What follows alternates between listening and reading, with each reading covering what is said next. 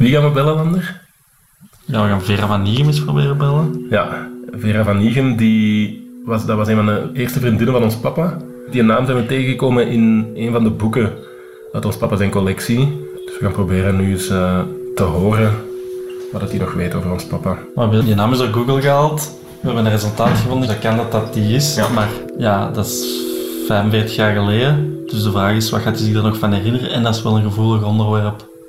Ja, Hoe inderdaad. gaan we dat aanpakken?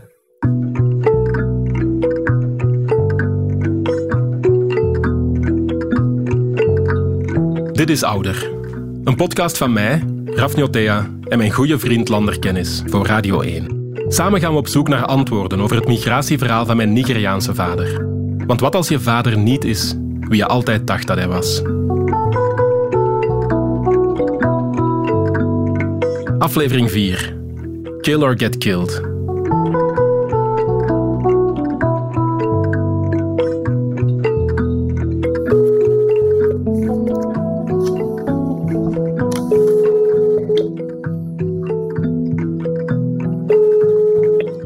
Vera? Hallo, uh, Hallo. goedemiddag. U spreekt met uh, Rafni Otea. Uh, spreek ik met Vera van Nigem? Ja, wel. Hallo. Ehm, ik bel u met een beetje een rare vraag misschien. Ehm, ik eh, ben een ehm, radiodocumentaire aan het maken over het eh, Ja. leven van mijn vader. Ehm, en eh, hij zou u vroeger gekend hebben. En wie was uw vader? Francis Niotea is zijn naam. Nee. Ze valt uit de lucht. Zou het dan toch niet de Vera zijn? Zeg nog eens de naam van uw vader. Francis Niotea. Ja, ja, ja. Ja? Ja, ja, dat is waar. Wauw. Oké, u, u herinnert het zich? Ja, ja. Ik geloof mijn oren niet. Op voorhand had ik allemaal vragen klaar, maar nu we haar effectief aan de lijn hebben, sta ik met mijn mond vol tanden. Lander zit naast me en typt vragen voor me voor die hem te binnen schieten. Oké, het is al een hele tijd geleden natuurlijk. Ehm, en, en, en wat herinnert u zich juist? Eh, eh, hoe- hoe is het nu met uw vader? Eh, ja, zijn gezondheid gaat achteruit. Dus hij ehm, ligt in het ziekenhuis en, en het gaat er op zich niet zo goed mee. Dat ze direct vraagt naar papa en hoe het nu met hem is. Hun band moet dan toch wel hecht geweest zijn. Herinnert u zich nog hoe u hem hebt leren kennen, waar dat, dat precies was? Ja, ik had toen een vriendin die hostess was in de Zeemansclub op de Italië-lijn. En daar kwam hij toen veel. We vragen of ze zich nog dingen herinnert die hij haar destijds verteld heeft. Ja, hij heeft wel eh, verteld over eh, zijn dorp eh, in uh, Okwashi Uko was hij. hè? Ja, klopt. Amai, Ja. dat u dat nog weet. Ja, ja, toch wel, ja. Wat heeft En over zijn moeder. En dus dat zijn vader was een politieagent. En dat hij dus een, een katholieke opvoeding had gekregen bij de paters, zijn middelbare school. En dat zijn onkel hem dan de mogelijkheid eh, gegeven had om een jaar aan de Sorbonne te studeren. Wat heeft hij daar gedaan? Eh, sociale en politieke wetenschappen. Tot het geld van die onkel op was. En dan is hij gaan varen, ook met het idee van die studie nadien voor te zetten. En, en wat bedoelt u met gaan varen? Om te werken? Ja, om te werken, om zo geld te verdienen, ja. Papa had ons al verteld over dat jobje op een schip naar Dakar. Maar eigenlijk heeft hij dus een hele tijd in de scheepvaart gewerkt. Vandaar waarschijnlijk dat die Siemens Club op de Italië zo vaak terugkomt. Hij verbleef daar altijd als hij aan wal was. En welke andere dingen deed hij nog buiten, buiten, die, buiten die schepen? Welke andere jobs? Ik weet dat hij bij een groot schoonmaakbedrijf heeft gewerkt, dat s'avonds werkte. En dat was vernederend, denk ik, omdat het eigenlijk ongeschoolde arbeid was. Mijn zenuwen maken plaats voor verbazing en vooral verwondering. Wat een voorrecht om eindelijk met iemand te kunnen praten die papa in die periode zo nauw gekend heeft. Wat voor iemand was hij? Ja, hij was een, een hele vitale man en geïnteresseerd en, en open eigenlijk. Ja. Hij las veel hè, en hij probeerde op die manier zo wat aan zelfstudie te doen. Ja. Hij wilde zo bijblijven, hè. niet eruit vallen, ook met dat idee van, eh, eh, van nog verder te gaan studeren. Mhm. Hij had veel ambities. Hè. Hij, hij wou absoluut eh, zich bemoeien met de internationale politiek. Hij was altijd veel bezig met te schrijven naar de International Herald Tribune. En hij maakte zich daar dikwijls dan druk om, dingen die daarin verschenen. En dan schreef hij veel brieven naar die krant. En hij wou die studies afmaken. Hij was heel veel in de bibliotheek van de universiteit. En in het begin wou hij dan nog terug naar Parijs, maar al die ambities uh, verbleekten en hij besefte dat hij daar echt vast zat. Hè? Ja. En dan terug naar Nigeria gaan was geen optie, want dat was gezichtsverlies in zijn ogen. Hij had het niet gemaakt, hè. hij was niet geslaagd. Hè. Ik denk dat ze in Nigeria dat er grote verwachtingen waren naar hem. En ik denk dat hij dat naar zichzelf toe ook wel had. En dat, uh, dat viel allemaal een beetje in duigen. Die torenhoge verwachtingen. Die gigantische druk van het thuisfront, dat zagen we ook al in de brieven die zijn familie naar hem schreef. Het moet bijna niet te torsen geweest zijn. Ik denk dat ook dat hij door die grote ambities en het weinige dat er van terecht kwam, dat hij niet zo graag in zijn kaarten liet kijken. Ook omdat hij dat tegenover zichzelf niet wou toegeven. Of ik zit hier misschien nu maar wat een beetje te fantaseren, maar dat, is, dat was mijn indruk. En, en hoe bedoelt u juist met niet in zijn kaarten laten kijken?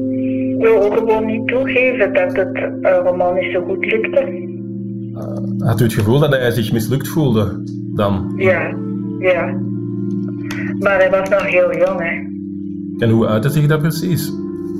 Ik weet niet, een soort van fatalisme, denk ik. Ik denk ook niet dat hij naar zijn familie in Nigeria oprecht eh, was over het leven dat hij hier leidde. Zo. Oprecht? Omdat hij zich dat zo anders had voorgesteld. Hè? Dat hij wel of niet oprecht was? Nee, nee. Nee, nee, nee.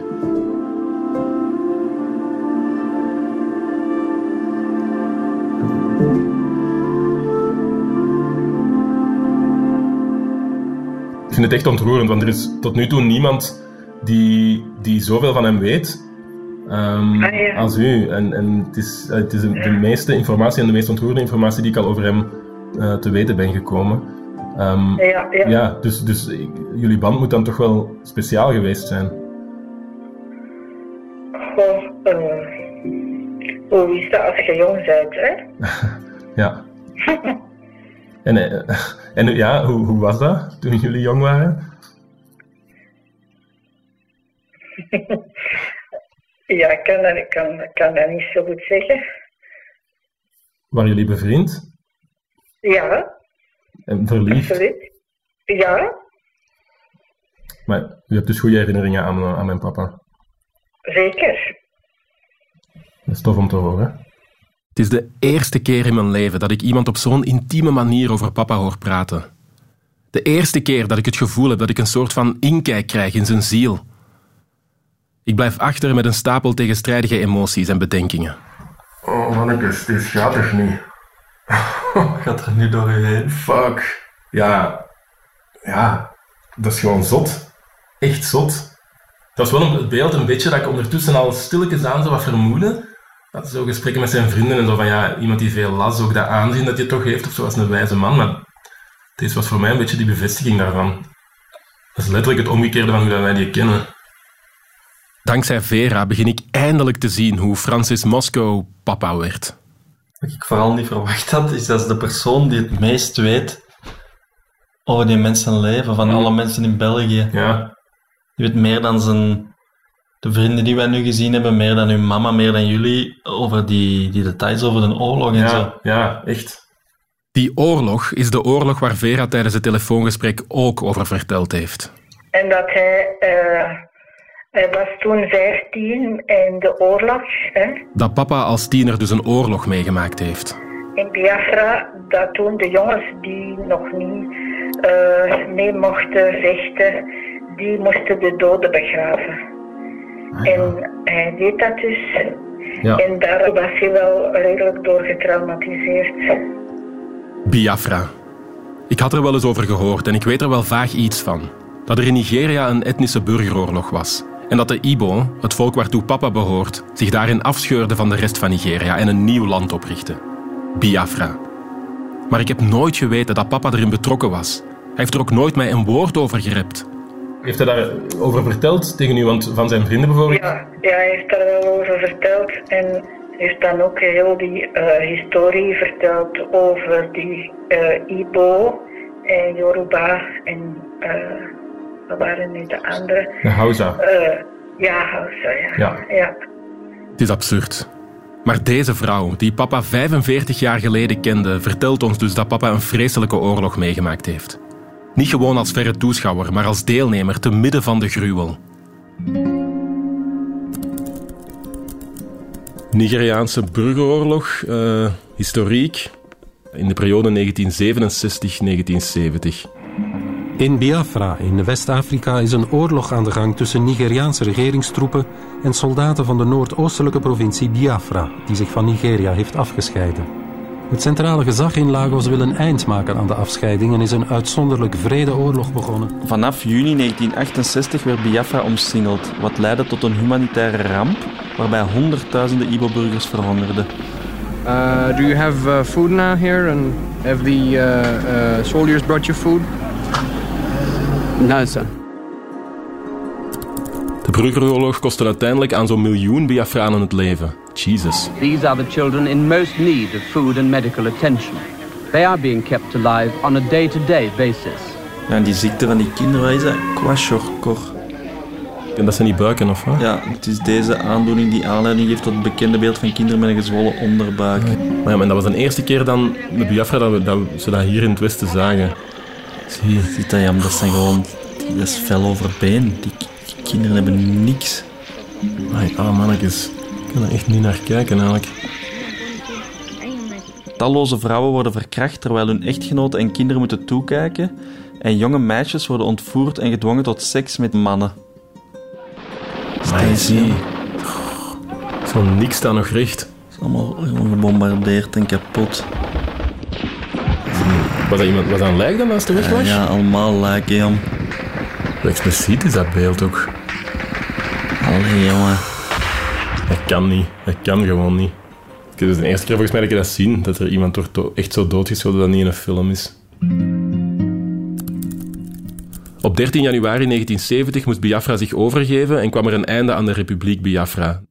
Either Biafra free or no Biafra at all. If the world chooses to abandon us, then perhaps it is better we all perish.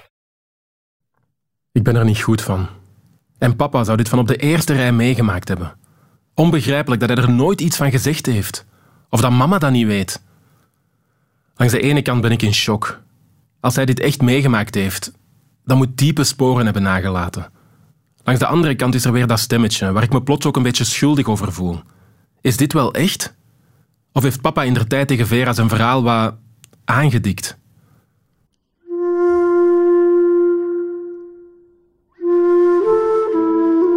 En um, die heeft je scan laten zien van papa zijn nek. Eindelijk. Na maanden van onduidelijkheid is de oorzaak voor papa's verlammingsverschijnselen gevonden. Mijn broer Jonathan kreeg de informatie van de dokter en ligt Robin en mij via de telefoon in. En je ziet daar echt wel een serieuze vernauwing. Dus ja, die hersenen kunnen niet meer communiceren met die ledematen, hè, met die zenuwen helemaal gekneld zitten. En als Gent is dat op zich niet zo'n moeilijke ingreep. Dus ze snijden ze in de nekwervel en dan zetten ze daar een soort van cage die dan meer ruimte geeft aan die zenuwen. Een operatie zou dus kunnen helpen. En het is dringend. En, en lig je goed of moet ik u een beetje anders liggen? Uw hoofd een beetje rechter. Omhoog, ja. De week voor de operatie ga ik nog eens bij papa langs. De coronamaatregelen zijn weer al verstrengd en ik kan hem niet meer vaak zien. Ik pols of hij de operatie ziet zitten. Hij knikt. Mentaal lijkt hij nog in orde. Na een tijdje begin ik voorzichtig over Biafra. En meteen begint papa de geschiedenis van de oorlog uit de doeken te doen. Het is een lang verhaal, zegt hij. Het is een lang het is een lang story. Hoe de spanningen tussen de Ibo in het zuidoosten en de Hausa in het noorden van Nigeria al sinds de kolonisatie aan het toenemen waren. En hoe het daardoor steeds slechter ging met het land. Ja, was going downhill. Dat alles in 1966 in een stroomversnelling raakte door een militaire staatsgreep onder leiding van een Ibo-generaal. Dat was uh, military coup. The military coup was led by an Igbo man. Niet veel later volgde een tegenkoe van de noordelijke Hausa. Ze begonnen overal in Nigeria Ibo's uit te moorden. So the Northerners got angry and they start killing all Igbos anywhere in Nigeria. Naar schatting werden daarbij 10 tot 30.000 Ibo's afgeslacht. Van over heel Nigeria vluchtten Ibo's uit angst terug naar hun thuis in het oosten, achter de Nigerrivier. Als je de kaart van Nigeria bekijkt, vormt die rivier een soort natuurlijke grens die het land geografisch in drie verdeelt. Het noorden van de Hausa, het westen van de Yoruba en dus het oosten van de Ibo. Het is in dat gebied dat de Ibo-generaal Ojukwu in mei 1967 de onafhankelijkheid van de Republiek Biafra uitriep, waarop de centrale regering van Nigeria het nieuwe land de oorlog verklaarde. Meer nog dan het algemene verhaal wil ik weten hoe papa die oorlog zelf beleefd heeft. Dus vraag ik hem op de man af toen de oorlog uitbrak.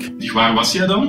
I was in the in the third year, Middlebar. Hij zat in het derde middelbaar in een school in de toenmalige hoofdstad Lagos, op 400 kilometer van Biafra.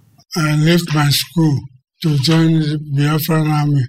Uit schrik om gelyncht te worden, keren ook papa en zijn vrienden terug naar hun geboortestreek in het oosten van Nigeria. So I left my school to go to the east. Okay, to go to the east, I have to go to my own village. Om van Lagos naar Biafra te gaan, moet hij langs zijn eigen thuisdorp, Ogwashuku. Dat ligt net buiten Biafra, net voor de rivier.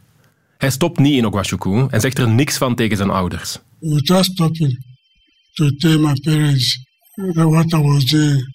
Niemand mag weten dat hij naar Biafra reist om mee te vechten. Want als het Nigeriaanse leger in Ogwashuku aankomt en daar hoort dat papa meevecht met de vijand, gaan ze naar het huis van papa's familie en ondervragen hen. Vecht jullie zoon voor Biafra? Biafra. En als ze niet willen meewerken, dan nemen ze hen mee naar het bos en schieten hen neer. Uiteindelijk komt papa aan bij de bekende brug over de Niger. De brug verbindt de steden Asaba en Onitsha en is een van de belangrijkste toegangswegen naar Biafra. Hij wordt aangesproken door een groepje Biafraanse soldaten dat de wacht houdt.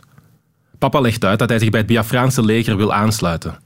Dat vinden de mannen goed, maar niet als soldaat. You don't go and fight. Hij krijgt de opdracht om de gewonden van het front te halen All you have to do, bring them out when they are wounded en naar ziekenhuizen te brengen. and then take them to the hospital.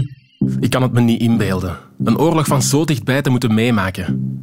De afschuwelijke dingen die papa moet gezien hebben. De constante paranoia en angst. Het ene moment ben je nog met iemand aan het praten. Het volgende moment draai je je om en... Ground. De persoon waarmee je net praatte valt dood neer. Sniper, sniper fire. Een sluipschutter. Je gaat direct liggen en wacht. Lie down immediately then wait. Na een tijdje gooi je een steen voor je uit. Als het stil blijft, weet je dat het veilig is en kan je naar je vriend gaan kijken. Too late. Maar dan is het al te laat natuurlijk. Papa brengt het abstracte idee van een oorlog plastisch tot leven. Heeft hij dit echt zelf meegemaakt? Het is zo moeilijk om dat te geloven. Waarom heeft hij er nooit eerder iets over gezegd? Certain things you see that you don't have to talk. Over sommige dingen praat je niet. En zijn vrienden, weten zij dat hij heeft meegevochten? I don't tell them because you never trust. You never trust them. Hij vertrouwt niemand. Want als je iemand vertelt dat je hebt meegevochten en zij hebben een dierbare verloren aan de andere kant, dan willen ze misschien niks meer met je te maken hebben. Of erger. No, but they're going to target me. It's these people that killed my brother. Ze zouden hem kunnen viseren. Zo'n burgeroorlog maakt je totaal achterdochtig. Je leert iedereen wantrouwen. Collega's, buren, vrienden, naasten. Zelfs tot lang na de oorlog. En heb jij zelf dan soms ook geschoten, of ben jij soms geschoten? Yes, of course. You fight, fight. I killed. If you don't kill, you, Kill or get killed. get killed or get killed. And how, how was it for you to experience that? Well, it made me a man. Man. Papa vertelt het met zo'n vanzelfsprekendheid dat ik opnieuw twijfel of hij hier de waarheid vertelt. Zou je daar echt zo casual in kunnen zijn dat je mensen gedood hebt? Zelfs al is het meer dan 50 jaar geleden en zelfs al is het bijna normaal in een oorlog. Kill or get killed.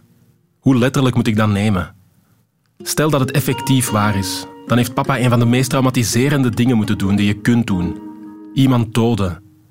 Zou het daarmee te maken kunnen hebben dat hij niet de meest gevoelige ziel is? I'm not emotional. No? I'm not emotional person. A man cannot be emotional. Is it weak to have emotions? Yes. Ook als het over de oorlog gaat, laat hij dus niet in zijn hart kijken. Ook hier weer sluit hij zich ergens af en blijft hij steken in een soort stoere heldenpraat. It made me a man. En ik merk dat ik het jammer vind. Het feit dat hij zich nooit kwetsbaar heeft durven of kunnen opstellen. Dat hij deze bagage van de Biafra-oorlog heel zijn leven in stilte gedragen heeft. En waarom? Omdat een man sterk moet zijn. En emoties passen niet in het beeld van een sterke man. En dat het dan misschien ook een van de redenen is dat hij nooit echt zijn plek heeft gevonden in zijn eigen gezin. Hoe tragisch allemaal. En na de oorlog? Wat gebeurde er toen het vechten stopte? Was time to go back to our schools to complete our secondary education.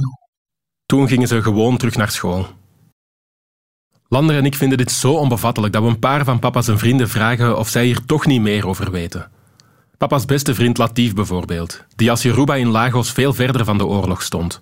Voor sommige mensen is eh, het een deel van hun leven dat ze verbergen of verleefd, wil niet meer over, over praten. Ah, dus je hebt daar nooit met hem over gebabbeld? Nee, nee, niet met ons. Wij vragen ook niet, hè.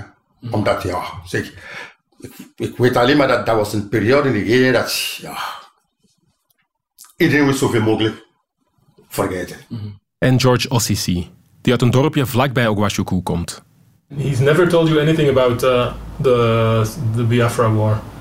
No, I don't think uh, he has much. He knew a lot about the war, but I don't think he was in depth in the war like I was. En tenslotte Benedict Mayuku, die papa kent via George. Eh, ik kan schaamte zijn, ik, kan, ik weet ook niet wat dat is. Ik ken geen enkel persoon die erover praat. Ik heb geen enkel Igbo man gehoord die, echt waar, al die mensen die ik ken vandaag, hebben nou dezelfde mentaliteit. Die zijn stil geworden. I don't know why. Echt waar. Ze zijn getekend door de oorlog. Die zijn gewoon stil geworden. Die zijn, hè? Ze zijn mensen die eh, luisteren in plaats van praten. Mensen die luisteren in plaats van praten. Wat een treffende omschrijving. Maar in het dorp waar Josh en Francis woonden, hè, Mhm. heeft daar eh, de oorlog zich ook echt afgespeeld. Natuurlijk. Dus dat is de battleground. Dat is de battleground. gruwelijke dingen Ja, jawel. Gruwelijke dingen, hè. Ik En daarom dat ze er niet over konden babbelen. Ja, ik, ik zeg gruwelijke dingen. Hè. Ik heb eh, een paar films hè, van Auschwitz gezien. Het is niet different, hè. Ik, ik het was heel... Die mensen ook, hè, het is, eh, ze maken eigen bo- bommen, kinderen vechten mee. Je papa weet ik 100% zeker, hij wel eh, gruwelijke dingen gezien. Dat 100%. Benedict leert ons ook nog iets anders bij. Iets essentieels over de oorlog. Of beter, over een van de vele onvoorziene gevolgen van de oorlog. En meerdere van die mensen daar kunnen niet naar school gaan voor drie, vier jaren. Dus later komen ze terug. Als het tijd is om naar school te gaan, ze pakken dat drie, vier jaren van hun leeftijd. Of ze krijgen wel heel veel last op school, of geen toegang. Dit zou dus wel eens een verklaring kunnen zijn voor de verandering in papa's leeftijd. Door de oorlog waren veel Ibo's een paar jaar niet naar school kunnen gaan. Wanneer ze dan toch teruggingen, gaven ze vaak een lagere leeftijd op. Soms om zich te kunnen inschrijven op school, soms ook omdat ze wilden doen uitschijnen dat ze te jong waren om te hebben meegevochten in de oorlog. Omdat ze anders misschien slechter behandeld zouden worden. Van alle mogelijke verklaringen die ik zou kunnen verzinnen, was dit wel de laatste geweest. Maar uiteindelijk is het eigenlijk een heel menselijke verklaring. Van die set van je papa, ik ken mensen die eh, van 52, ze hebben een leeftijd naar 62 gebracht. Dat is bijna 10 jaar verschil. Om terug naar school te kunnen gaan. Ja. Dus ze hebben zich jonger voorgedaan. Jongen voor terug te gaan, les te naar school volgen. te gaan. Ik had eh, veel mensen bij mij op school toen in Lagos. Die komen bij ons zitten in klas. Ik was 14. Ze zijn allemaal 18 en 20. Dus om te vermijden dat hij zijn toegang makkelijk krijgt en ook niet gediscrimineerd worden, eh, daar wordt zijn leeftijd teruggebracht. Om op papier op dezelfde leeftijd als die mensen in die klas. Dat heb ik heel veel gezien. En die zijn allemaal die mensen van die oorlog. De kans is dus groot dat die oorlog, die zo'n grote impact heeft gehad op Nigeria, Afrika en de perceptie rond Afrika in het Westen, ook een impact heeft gehad op de leeftijd van papa. Nu we nog een mogelijke verklaring hebben voor die leeftijdsfraude, besluiten we met iemand te gaan praten die daar veel over weet. Persoonlijk hou ik niet per se van het woord leeftijdsfraude. Uh, ik denk dat er vraagtekens en soms legitieme vraagtekens rond leeftijd kunnen bestaan. Maar fraude impliceert ergens dat mensen de bedoeling hadden om socio-economische voordelen uit iets te halen. En ik denk dat dat zeker niet altijd waar is. Dit is Katja Fournier. Uh, ik ben gespecialiseerd in asiel en migratie. Uh, met een focus op kinderen. En in dat kader is het thema van leeftijdsbepaling een heel belangrijk thema geworden uh, in mijn onderzoek. We hebben met haar afgesproken bij haar thuis in Schaarbeek, in een rustig en gezellig wijkje. Volgens Katja kunnen er verschillende redenen zijn voor mensen om een andere leeftijd dan hun echte op te geven. Ten eerste uh, zijn er mensen die hun leeftijd gewoon niet kennen en dus ongeveer schatten wanneer ze geboren zijn. En dus die, die liegen niet. Er zijn mensen die gepusht worden om een andere leeftijd aan te geven. En dat kan zowel uh, in het kader van mensenhandel zijn, het kan ook in het kader van ergens een familiale druk om iets waar te gaan maken. Op basis van mijn ervaring heb ik vooral mensen, ben mensen tegengekomen die iets hebben van, van dit is het leven of doodskwestie. Um, of ik ervaar zoveel druk om het waar te maken, om te gaan studeren, uh, om te gaan werken. En dus dan heeft leeftijd wel een bepaalde rol. Hè? Want als je te oud bent, dan mag je niet studeren. Als je te jong bent, mag je niet gaan werken. Je hebt de druk van, oké, ze hebben dat geld in mij geïnvesteerd. Soms ook nog de druk van, ik moet nog mensen terugbetalen wanneer ik hier aankom. Die druk die we ook zagen in de brieven van papa's familie. En hoe ga je dan hier uitleggen dat je in een of andere krot zit, het zwart werkt, ik zie ook zoveel tieners die dan foto's maken van, van een auto ergens op straat en dat terugsturen aan de familie van dat is mijn auto. Een beeld van jezelf ophangen dat niet helemaal klopt. Je leven beter voorstellen dan het is. Keeping up appearances. Maar dat is dan naar de familie in het herkomstland. Ge gebeurt het eigenlijk vaak dat mensen die hier aankomen, migranten of vreemdelingen, um, dat die liegen of dingen achterhouden, uh, hun verhaal een klein beetje aanpassen aan hun kinderen of hun familie hier? Ja, en als je kijkt naar de wetenschappelijke literatuur, dan ga je duizenden pagina's vinden rond sharing en silencing binnen uh, gezinnen met een vluchtverhaal of migratieverhaal. En waarom? Ja, ik denk, denk de, twee uh, grootste thema's is uh, schaamte en anderen willen beschermen. Vaak, het verhaal is te erg, het is te gruwelijk. Um, je kan mensen hebben die ook hun verhaal een stuk aanpassen naar iets wat meer aanvaardbaar voor zichzelf is. En daarnaast heb je ook, uh, ja, als we het hebben over trauma's, de manier waarop je een verhaal kan vertellen ook beïnvloed wordt. En dus bijvoorbeeld een van de fenomenen die je ziet bijvoorbeeld met mensen uh, met posttraumatische stress is het feit dat ze dingen gaan ontwijken. Maar dus dat kan ook zijn van menselijke relaties ontwijken. Uh, ik ben bang te dicht bij mensen aan te staan, want als ik te dicht bij hen aansta, dan lieg ik nog meer en dat wil ik er niet aandoen.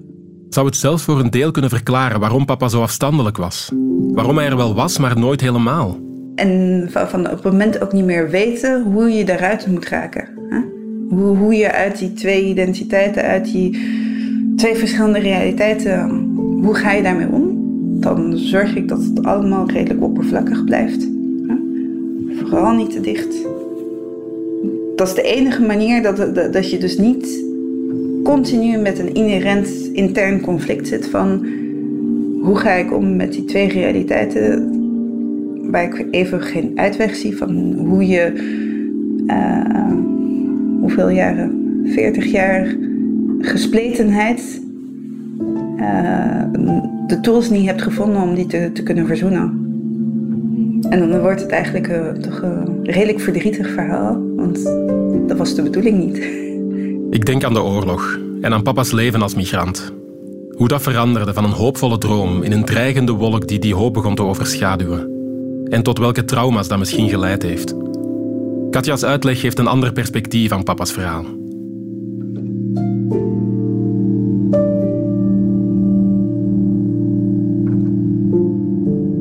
Een nieuw ding sinds vandaag is dat je misschien altijd, als hij nieuwe mensen tegenkwam, dingen verzon omdat hij zich schaamde. Mhm. Wat Vera ook zei, van, zij heeft een omslag gezien. Hè. Dat was iemand die wel bevlogen was en politieke ambities had en dacht, ik ga iets, een steen in de rivier van de wereld.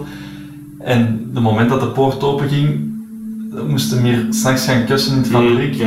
Nog eens een deksel op zijn neus. En om zijn waardigheid misschien te behouden, dan soms verhalen verzond tegenover Vera, tegen Latif en John, tegen uw moeder. Ja. Ja, ja, ja.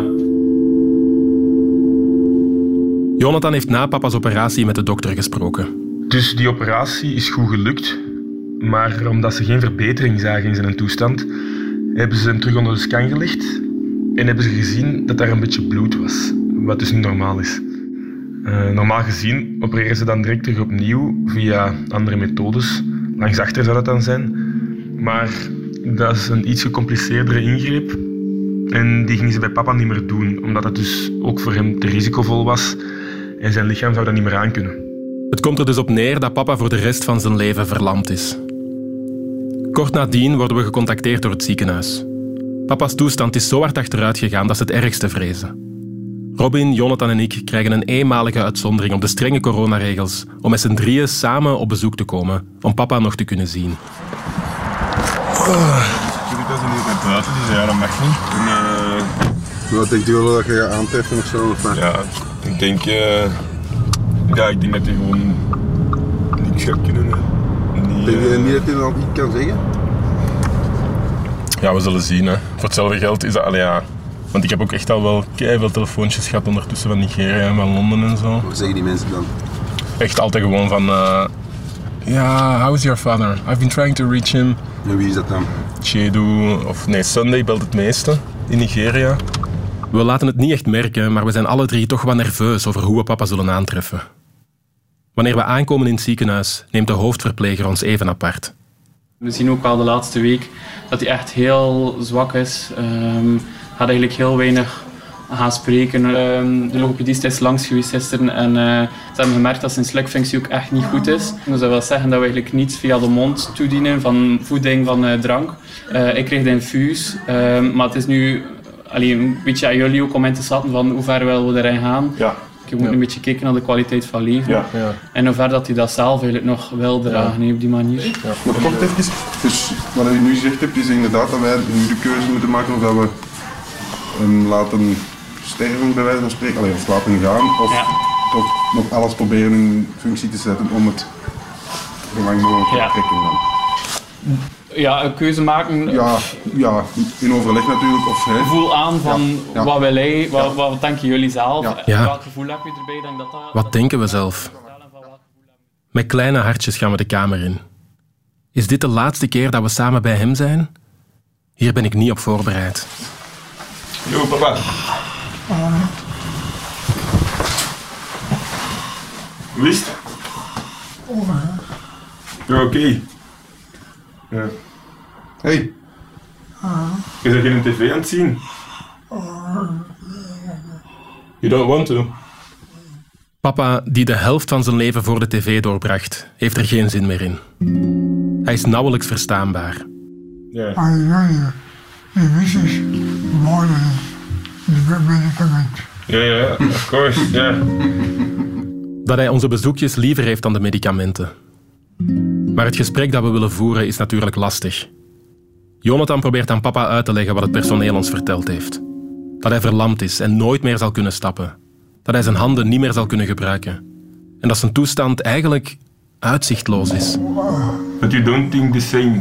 You don't feel the same. yeah?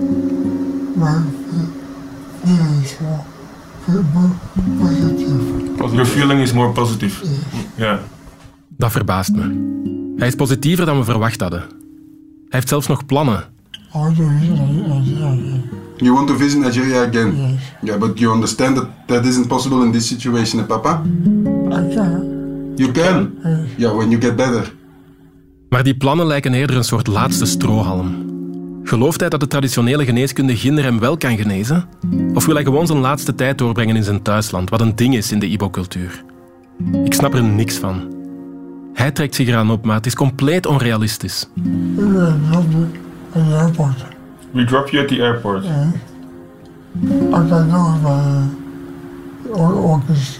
With your walking stick. yeah. And, uh, In your wheelchair. yeah.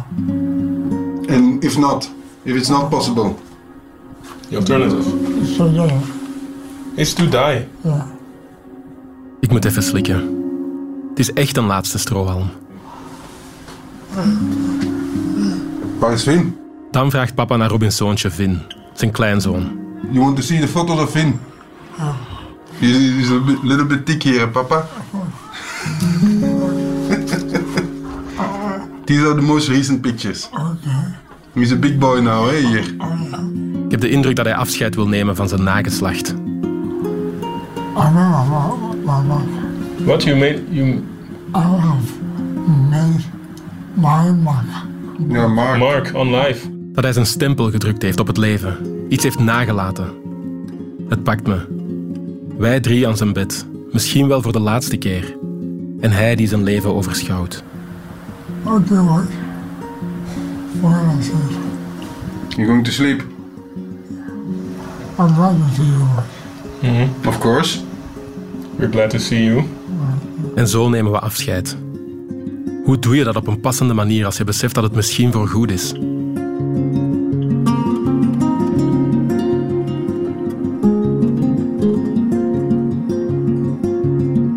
Later krijg ik een berichtje van Sunday in Nigeria. Die vraagt hoe het met papa gaat. Ik besluit hem te bellen.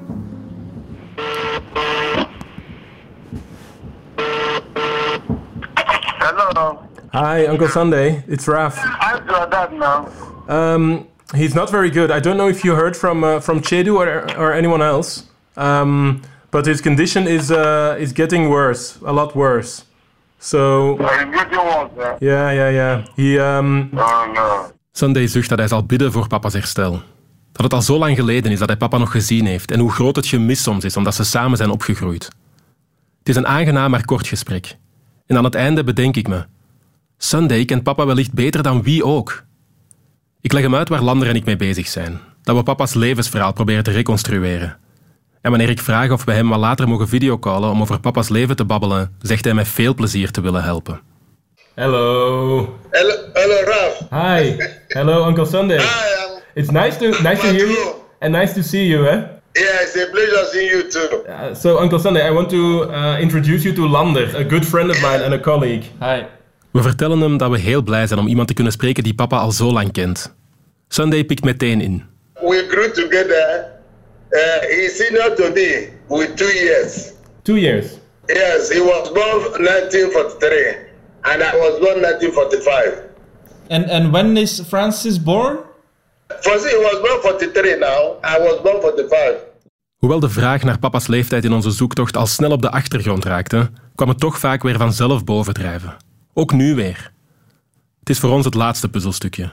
De bevestiging dat papa dus wel degelijk elf jaar ouder is dan zijn officiële leeftijd. And and how do you know? Because we've heard that there's no birth uh, certificate or anything in um, in those parts. In the, Yes, uh, luckily in my case, I, I was lucky that there was Sunday had geluk dat een paar dagen voordat hij zelf geboren werd, er een geboorte was bij vrienden van de familie. Die geboorte werd wel geregistreerd. Daardoor zijn ze zeker dat Sunday in 1945 geboren werd. That's how I came to know my exact uh, age. En omdat papa twee jaar ouder is dan hem, kennen ze dus ook papa's geboortejaar. Ook al is er van hem geen certificaat. But you know that on his documents here in Belgium, um, it says that he was born in 54. That is uh, government something, you know, to bring down his age so that he can be able to get employment. Die leeftijdsverandering zou dus ook een administratieve ingreep kunnen zijn, die papa heeft gedaan om werk te vinden. Veel vacatures in Nigeria hadden in die tijd een minimum- en een maximumleeftijd. Bijvoorbeeld van 18 tot 25 of van 25 tot 30. Okay, okay. So, and uh, was it when he got employment at, in Lagos that he changed his age? Yeah, yes, he changed the date, yes, now. Volgens Sunday veranderde papa zijn leeftijd toen hij in Lagos begon te werken. Iets dat blijkbaar redelijk vaak gebeurde in Nigeria. Mogelijk heeft hij een eerste keer zijn leeftijd naar beneden gebracht om weer naar school te kunnen gaan na de Biafra-oorlog. En heeft hij dat later dus nog eens gedaan om een goede overheidsjob te kunnen bemachtigen in Lagos. Of misschien nog later, om als student naar Europa te komen. Allemaal heel menselijke verklaringen. Do you know why um, he decided to leave Nigeria? Well, he decided to leave Nigeria for a greener pasture now. Uh, he, he felt uh, his life was not uh, progressive. Papa was op zoek naar een groenere weide, zoals Sunday het poëtisch omschrijft. Omdat hij in Nigeria niet genoeg vooruit kwam met zijn leven. En dus vertrok hij. Maar niet rechtstreeks naar Europa, zo blijkt. He was around the West African coast. He stayed for West African coast for some years before he, he got access to Belgium. Sunday vertelt dat papa een paar jaar langs de kust van West-Afrika gezworven heeft. Benin, Ivoorkust, Burkina Faso, Mali. Om uiteindelijk in Dakar te belanden. He started from, uh, I think, Ivory Coast to Dakar. I think from Dakar, that was where he now found his way to Belgium. What did he do in Dakar? He was finding a way to go to Europe. Hij zocht een manier om naar Europa te gaan. In Nigeria was de overtuiging toen immers dat iedereen die in Europa geraakte het gemaakt had in het leven. Because you know that those, those days our belief is that anybody who is able to go to Europe has arrived. He has achieved something. So he very much wanted to go. Though with a lot of stress. Yeah. Because he, he, he made a lot of suffering. A lot of suffering? Yes. Het moet verschrikkelijk moeilijk zijn geweest voor papa, omdat hij in Ivoorkust en Senegal niemand kende en ver van zijn familie was. Hij moest vernederende klussen en baantjes doen om te kunnen overleven. He struggled, he was going to do menial job to survive. And what kind of jobs? Menial job, you know, you know menial job. Any job at all, just to get money to feed. Ik moet terugdenken aan wat Katja Fournier vertelde. Dat migranten vaak dingen meemaken die pijnlijk en soms ook traumatiserend zijn. En dat ze uit schaamte daarover hun verhaal vaak wat anders inkleuren. And then how did he get from Dakar to Europe? Uh, he got through the help of one man, one woman whom God sent to help him. Met de hulp van een Ibo-man is papa naar Europa kunnen gaan. Sunday omschrijft hem als een zendeling van God. Dus het moet wel een erg belangrijke man zijn geweest. Zou dat misschien toch die dokter Igo Fosse kunnen zijn? We vragen het aan Sunday, maar helaas weet hij er verder niks over. Okay, well, yes. Um, thank you, thank you so much. It was really enlightening for me to, to hear this. Send all my greetings to the to the rest of the family. Okay, everybody. Yeah, and I will keep you I will keep you updated eh, about the situation. Okay. Okay. Okay. Thank you very much. Yeah, thank you so much. Bye, bye, Uncle Sunday. Bye, bye. Dankzij Sunday is er eindelijk duidelijkheid over papa's leeftijd. En over de jaren 1972 en 73. Die missing link in papa's verhaal, waar Lander en ik maar niks over te weten kwamen. Ik zou zo graag met papa zijn levensverhaal overschouwen. Maar ik vrees dat dat er niet meer in zit. Er wordt soms wat de, dat de twee termen door elkaar gehaald worden. Is een sedatie, wat dat betekent we kijken naar pijn en zij comfort. Dit is niks wat het leven verkort. Dat is het verschil met een euthanasie. Het is, het is een, een aangenamere manier van afscheid. Ik zei het zo vaak als je wilt op bezoek kunt komen. En ik denk dat voor hem ook wel belangrijk is dat zijn familie bij hem is. Want dat, dat was ook wel voor de verpleging merkbaar. Als jullie geweest waren, dan was de rest van de dag vrolijk.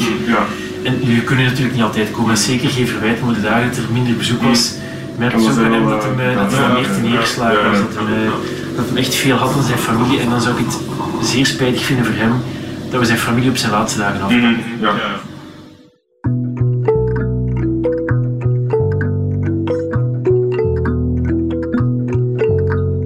Je luisterde naar de vierde aflevering van Ouder. Een podcast van Rafnio Thea en Landerkennis voor Radio 1.